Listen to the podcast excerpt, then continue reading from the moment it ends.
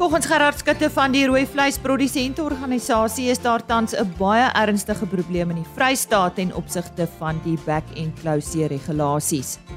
Die siektebestuursarea is te groot en die impak op die produsent is 'n saak van kommer. Hy verduidelik 'n bietjie later vanoggend hoe hulle die probleem aanspreek en verskaf ook ander inligting oor die beheer van hierdie siekte. Ons fokus ook op landbouekonomie as 'n loopbaan en gesels met professor Frikkie Marie van Universiteit van die Vrystaat. Hendrik Victor sal ver oggend ook terug wees met nuus oor die laaste wolveiling. Dis dan ver oggend op RC Landbou. Goeiemôre. Baie welkom. Ons begin met landbou nuus. Graan SA se pas afgelope groei vir goud kompetisie het vanjaar 84 inskrywings gehad. Dit verteenwoordig 'n stygings van 47% oor die afgelope 3 jaar. Volgens Corneil Lou van Graan SA het die mielieopbrengste in die kompetisie stelselmatig verhoog en is dit vanjaar 3,7% hoër. Sojaboonopbrengste het met 17% verhoog. Rekordoeste vir sojabone is deur Corneel Skryling van Wakkerstroom, Paul Farrell van Bethlehem, Japie Breed van Babsfontein Isak van Sail van Makwasi en Burry Nudee van Hoopstad aangeteken. Bertus Albertse van Dandie en Johan Pistorius van Standerton het rekords aangeteken in die mielie kategorie. Pistorius se opbrengs was 17,5 ton per hektaar. Môreoggend op RSC Landbou gesels ek onder meer met Corneil Lou van Graan SA oor hierdie kompetisie met een van ons wenners So onthou om in te skakel môreoggend vir RSG Landbou. En nuus vanaf Afma, dit is natuurlik die dierevoervereniging van Suid-Afrika, het 'n nuwe voorsitter en visievoorsitter aangewys tydens hulle direksievergadering. Anina Hunter van RCL Foods was as voorsitter verkies en sy maak ook geskiedenis as die eerste vrou wat Afma se raad sal lei. Michael Schmitz, die bestuurdirekteur van Meadow Feeds, was as visievoorsitter verkies. En dis dan vir eers die nuus. Op hierdie stadium vind ons wolveilings elke tweede week plaas en om te hoor wat het by die laaste wolveiling gebeur, sluit ons aan by Heinrich Victor. Ja, ons groet u weer eens uit die wolkantoor waar ons 'n bietjie wolsake gaan gesels. Nou op die 5de wolveiling van die seisoen wat op 28 September plaasgevind het, het die Cape Wools Merino aanwyser met 3.9% vir nie RWS wol en ook 3.7% vir RWS wol gedaal teenoor die vorige veiling. En teen 'n skoonprys van R159.80 per kilogram en R167.27 per kilogram onderskeidelik gesluit. Nou ten spyte van die effense verswakking van die rand teen die vernaamste geldeenhede, het die mark steeds veld verloor en die neiging van die dalende Australiese mark die afgelope 2 weke dan gevolg. Daar is in totaal 7186 bale aangebied waarvan 85.5% verkoop is. Nou die aanbieding het hoofsaaklik bestaan uit medium en lang lengtes wol, fyner as 20 mikron met bykans 60% van die merino aanbieding wat volhoubaar gesertifiseer was. Voorware goeie teken van ons boere wat die erns hiervan besef. Nou Moriano het op hierdie veiling die grootste hoeveelheid bale gekoop, gevolg deur Lempriere SA, Tianyu en Standard Wool SA. En dan die gemiddelde skoonwolpryse vir die seleksie binne die verskillende mikron kategorieë, goeie lang kamwol of MF5 tipes dan nou was soos volg. En soos gewoonlik, onderskei ons weer tussen nie RWS gesertifiseerde en RWS gesertifiseerde wol. Nou kom ons begin by 18 mikron. Nie RWS R211.87 per kilogram. RWS R225.23 per kilogram met 'n verskil van 6.3%. 18.5 mikron nie RWS R190.75 per kilogram RWS R212.70 per kilogram en die verskil daar was 11.5%. Dan kyk ons na 19 mikron, nie RWS R183.24 per kilogram, RWS R201.56 per kilogram met 'n verskil daarvan 10%. En dan kan ons ook kyk na 20 mikron, nie RWS R163.68 per kilogram. RWS R170.08 per kilogram met 'n verskil van bykans 4%. En dan laastens kyk ons na 21.5 mikron, nie RWS verkoop teen R149.68 per kilogram en dan RWS R154.94 per kilogram met 'n verskil daarvan 3.5%. Nou ja, die laastens wil ons net vir u noem, die volgende wolveiling is geskeduleer dan vir 5 Oktober. Dit dan ons storie hierdie week uit die wolkantoor waar ons dan weer eens daarmee 'n veiling gehad het en ons hoop die trend sal voortduur vir die res van die seisoen. Alles wat mooi is vir u tot ons weer gesels, mooi loop. En soos hy sê, oor 2 weke is hy weer terug. Heinrich Victor van OVK. As jy nou eers ingeskakel het, goeiemôre. Jy luister na RSG Landbou. Baie welkom. Die hoogtepunt van die Santam Landbou Nasionale Kuilvoer Kompetisie is om die draai en uh, ek verwelkom graag ver oggend vir Johan Bender, hy's van TWK Agri.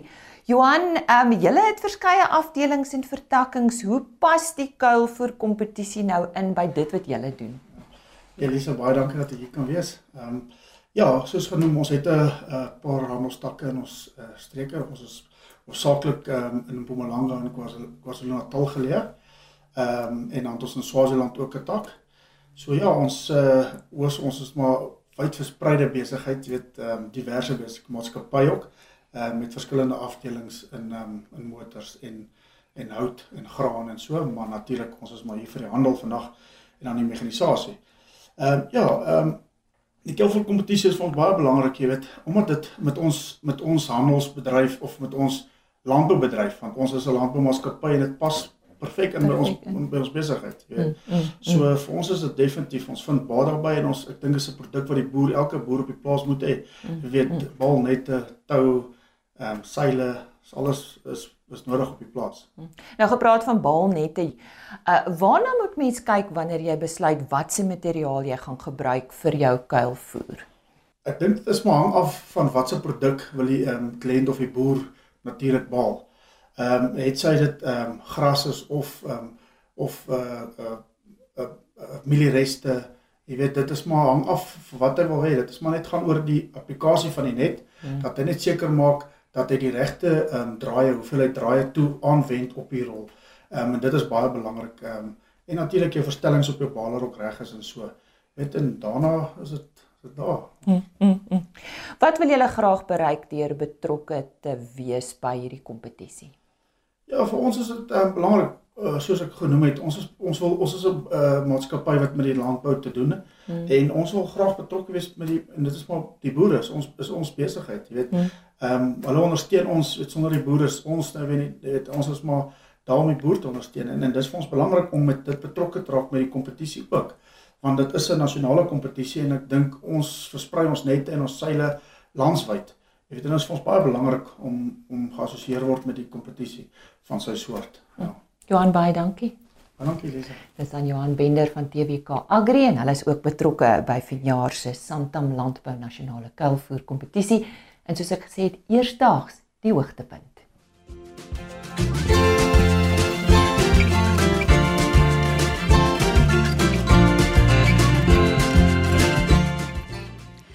Nou die gesprek wat ons vroeër gehad het met professor Frikkie Maree. Hy is die akademiese departementshoof by landbou-ekonomie by Universiteit van die Vrystaat. Kom ons hoor eers waaroor handel landbou-ekonomie. Landbou-ekonomie as jy gaan kyk na die definisie, kan ons baie amptelik raak en die definisie sê dis 'n sosiale wetenskap wat handel oor die allokasie van skaars hulpbronne wat gevind kan word in die verspreiding van voedsel en vesel. Nou, dis verskriklik tegnies. So landbou-ekonomie in ek wil amper sê vir die gewone man op straat is 'n studie wat werk met mense want dis maar mense wat dit dryf maar dit gaan daaroor om te kyk hoe om landbouprodukte vanaf die insetvlak deur produksie, um verwerking, verspreiding tot by die finale verbruiker te kry en dan hoe om dit op die mees koste-effektiewe of ekonomiese um of die optimale ekonomiese manier om um, te kan doen. So landbouekonomie is nie 'n studie soos gewone ekonomie nie. Landbouekonomie omsluit baie meer en ons kyk na verskillende afdelings soos finansiering, bemarking, um internasionale handel, mikro en makro-ekonomie wat aansluit by gewone ekonomie. So landbouekonomie sigself is eintlik 'n verskriklike wye veld en ons is lief daarvoor om te verwys na dat dit 'n toegepaste veld is waar verskillende afdelings van ander navorsingsvelde basies in hierdie dissipline gevind kan word. So watter tipe werk sal 'n landbouekonoom doen? Lisa, dis 'n verskriklike wye antwoord. Um as ek gaan dink aan ons studente wat afgestudeer het by die universiteit en die plekke waar hulle werk en ook waar ons baie bekende mense voorheen in die Suid-Afrikaanse ekonomie gehad het wat in die eerste plek as landbouekonome opgelei kan word, is die opsies amper onbeperk. Ja, landbouekonoom gaan nou natuurlik nie 'n prokureur wees nie, maar landbouekonome word aangestel van banke tot koöperasies tot ander agribesighede. Um en as jy gaan kyk na voorbeelde in die ekonomie, Johan van Sail wat by Toyota was, was 'n landbouekonoom.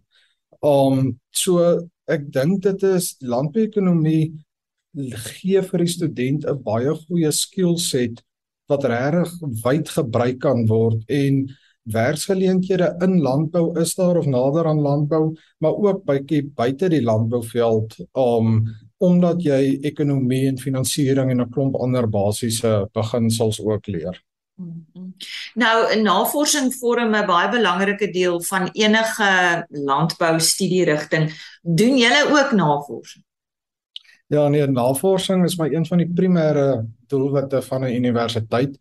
Om um, so behalwe vir onderrig en leer waar studente klas gee, is navorsing basies net so belangrik. In ons departement by die Universiteit van die Vrystaat hardloop ons verskillende la um navorsingsprojekte en ons kan dit basies groepeer in 'n paar afdelings. Ek dink een van die afdelings is waar ons goeie werk doen in terme van waternavorsing waar ons kyk na besproeiing en die optimale gebruik van water as ook dan werk oor watervoetspore en hoeveel water gebruik verskillende produkte. 'n Tweede groepering is basies ekonomiese werk in die rooi vleiswaardeketting waar ons 'n baie goeie groep het wat gaan kyk na probleemoplossings in die rooi vleiswaardeketting. Dan iets anders wat ons op ook fokus um, is entrepreneurskap in landbou en waar ons veral kyk na jong mense en die rol wat jong mense in landbou speel en hoe hierdie entrepreneursiese vaardighede ontwikkel moet word sodat hierdie mense in die toekoms regtig 'n groter bydrae kan kan maak in die sektor. Um daar's ander navorsingsprojekte ook, maar net so vir opsomming is daar heelwat navorsing wat gedoen word. Nou ons leef op 'n oomblik in 2022, alles is duur en om om deesdae te kan studeer moet ouers uithaal en wys uh, dit kos baie en beurse is nie vir almal beskikbaar nie of 'n student kwalifiseer dalk nie vir 'n beurs nie. Watter opsies is daar? Lisa, wat in die eerste plek wat jy sê is baie waar. Tersiêre onderrig in Suid-Afrika het verskriklik duur geword. Um so die regering het in die laaste klomp jaar toe hulle begin het om hierdie NSFAS of die National Student Finance Scheme van die regering het hulle begin om baie studente die geleentheid te gee om by tersiêre instellings te studeer wat nooit voorheen die geleentheid gehad het nie. Die probleem met NSFAS is egter dat hulle 'n perk het van jou ouers se inkomste. Um as jou ouers minder as dit 'n jaar verdien, dan betaal die regering vir jou om te studeer. Maar as jou ouers R10000 per jaar meer as hierdie perk om sy inkomste kry, dan betaal hulle nie meer daarvoor die regering of die spesifieke program nie. En dit beteken nog steeds nie dat daai ouers die geld het om hierdie student universiteit toe te kan stuur nie. So daar's 'n gedeelte van die populasie wat ons mis en hulle verwys gereeld na die die missing middle om baie middelklas mense wat dalk nie 'n slegte lewenstyl het nie, maar net nie genoeg geld het vir universiteitsfooie nie. 'n Tweede probleem is is dat NSFAS net om um, eerste graad studente befonds. So jy kan nie 'n honeurs of 'n meestersgraad doen met hierdie hulpskema nie en daarvoor moet jy ander befondsing kry. Nou soos jy genoem het, is beurse beperk en almal kwalifiseer nie daarvoor nie. So by ons in die departement landbouekonomie het ons 'n klomp jaar terug, ek dink omtrent 10 of 12 jaar terug, begin met 'n internskap program waar ons vir al nagraadse studente op honeurs en M-vlak probeer help om verder as hulle primêre kwalifikasie te kan studeer. So hoe dit dan werk is ons nader landboumaatskappye vra vir fondse en al die fondse wat ons dan genereer word as 'n maandelikse salaris aan studente uitbetaal.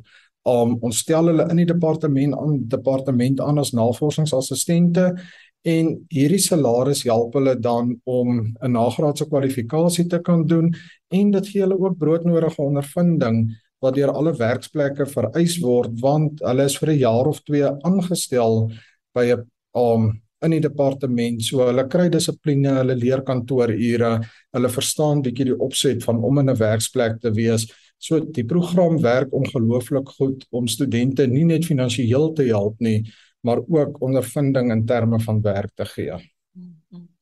Frikkie, Frikkie baie dankie. Ek dink dis wonderlike werk wat julle doen. Indien 'n landboumaatskappy of individu fondse vir hierdie studente beskikbaar wil stel, wat wat staan hulle te doen? Hoe kan hulle uh, julle kontak? Uh Lisa, hulle is baie welkom om my te kontak. Um al die besonderhede is op universiteit se webwerf. Um hulle kan vir my e-pos stuur. My selfoon is oop. Um so as jy by die departement landbouekonomie aan die Universiteit van die Vrystaat uitkom enige van hulle kontakbesonderhede gebruik, is ek baie bereid om met hulle te gesels en ons sal enige hulp in hierdie verband waardeer om regtig studente die geleentheid te gee om verder te kan studeer en en 'n sukses te kan maak daarvan. Dis dan 'n gesprek wat ek gehad het met professor Frikkie Maree van die Universiteit van die Vrystaat.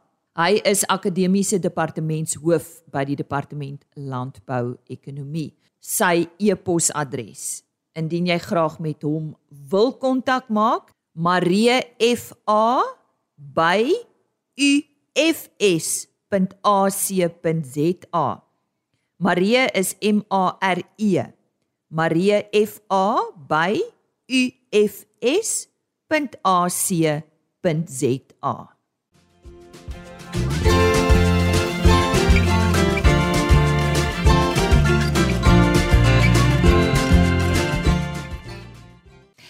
As daar een landboubedryf is wat die afgelope paar maande, ek wil amper sê 'n jaar daagliks in die nuus was, is dit ons rooi vleis produsente en onder meer die rooi vleis produsente organisasie natuurlik met Back and Closeer. Ons het dit goed gedink om hierdie week um bietjie met uh, Gerard Skutte wat natuurlik hoofuitvoerende beampte is van die RPO te gesels om te hoor wat is tans die stand van sake. Gerard, goeiemôre. Goeiemôre. Nee, baie dankie. Uh ek sê ons is so 'n bietjie op die grondpad. Ons is nie moedeloos nie. Ons uh, uh is hopelik so oor 18 maande terug uh, op die teerpad. Uh en is nou 3 weke na die opheffing van die landwyse verbod op die beweging van beeste. En ek dink ons kan so 'n bietjie terugkyk en vir my sê en vra was dit 'n omdraai strategie en was dit uh suksesvol? Nou dit ek is seker dat uh, bemoedigende tekens. As ons kyk tussen die laaste twee verslae van die nasionale departement van landbou, het daar slegs 4 nuwe uitbrekings uh, plaasgevind, twee in die Noordwes provinsie, een in Gauteng en een in die Vrystaat. En daar is nou omtrent 530 000 beeste reeds ingeënt wat ook baie bemoedigend is eh, onder die leiding van die nasionale dieregesondheidsforum is daar 'n tegniese taakspan van 11 veeartse wat absoluut die verskillende bedrywe ken, die waardeketting ken en hulle het op die 13de September vergader met die nasionale departement van landbou en dan ook 'n dokument uh aan die departement oorhandig oor hoe die bedryf sien back and closure in die toekoms hanteer behoort te word. Dis mos nou baie duidelik dat ons dit op 'n ander wyse sal moet doen. En wat baie bemoedigend is is dat daar nou 'n formele struktuur is in terme van hierdie ehm um, taakspan dat hy op 'n gereelde basis met die departement sal uh sal gesels. Daar is baie alternatiewe wat op die tafel kan kom, soos byvoorbeeld om te kyk na kleiner back and close vrye vrye sone soos ons altyd gehad het, maar ons sal definitief moet kyk na beperkte inentings, 'n beleid daaroor formuleer en dan ook uh, by die punt moet kom waar ons ons eie enstowwe sal moet uh, produseer. Maar alhoewel die minister nou die opheffing aangekondig het, is daar tans 'n baie ernstige probleem in die Vrystaat.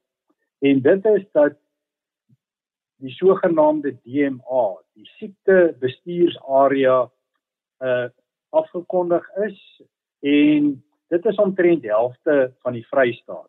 En binne hierdie DMA geld dieselfde reëls as wat in die inperking gegeld het.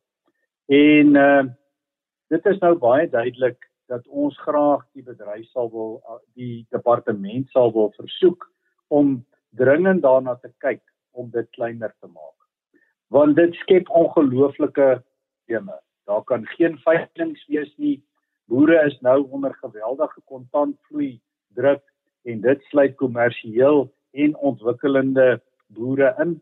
Enige beweging moet per permit geskied. Daar's weidings uh, waar daar diere geskuif moet word. Daar was veldbrande, diere moet geskuif word na nuwe areas uh, en dit is tans baie problematies.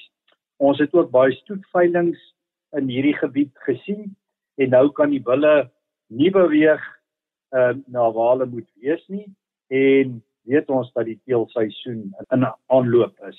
Nou die RPO het 'n ernstige versoek aan Dalraad in die verband uh, gelewer uh, en by die nasionale dieregesondheidsforum het ons ook dan versoeke gekry van onder andere die plattelandse veeartsvereniging om hierna te kyk en sal ons aan, aan, aanbeveling maak vanaf die nasionale dieregesondheids uh om die minister te versoek om hierdie area spoedeisend kleiner te maak.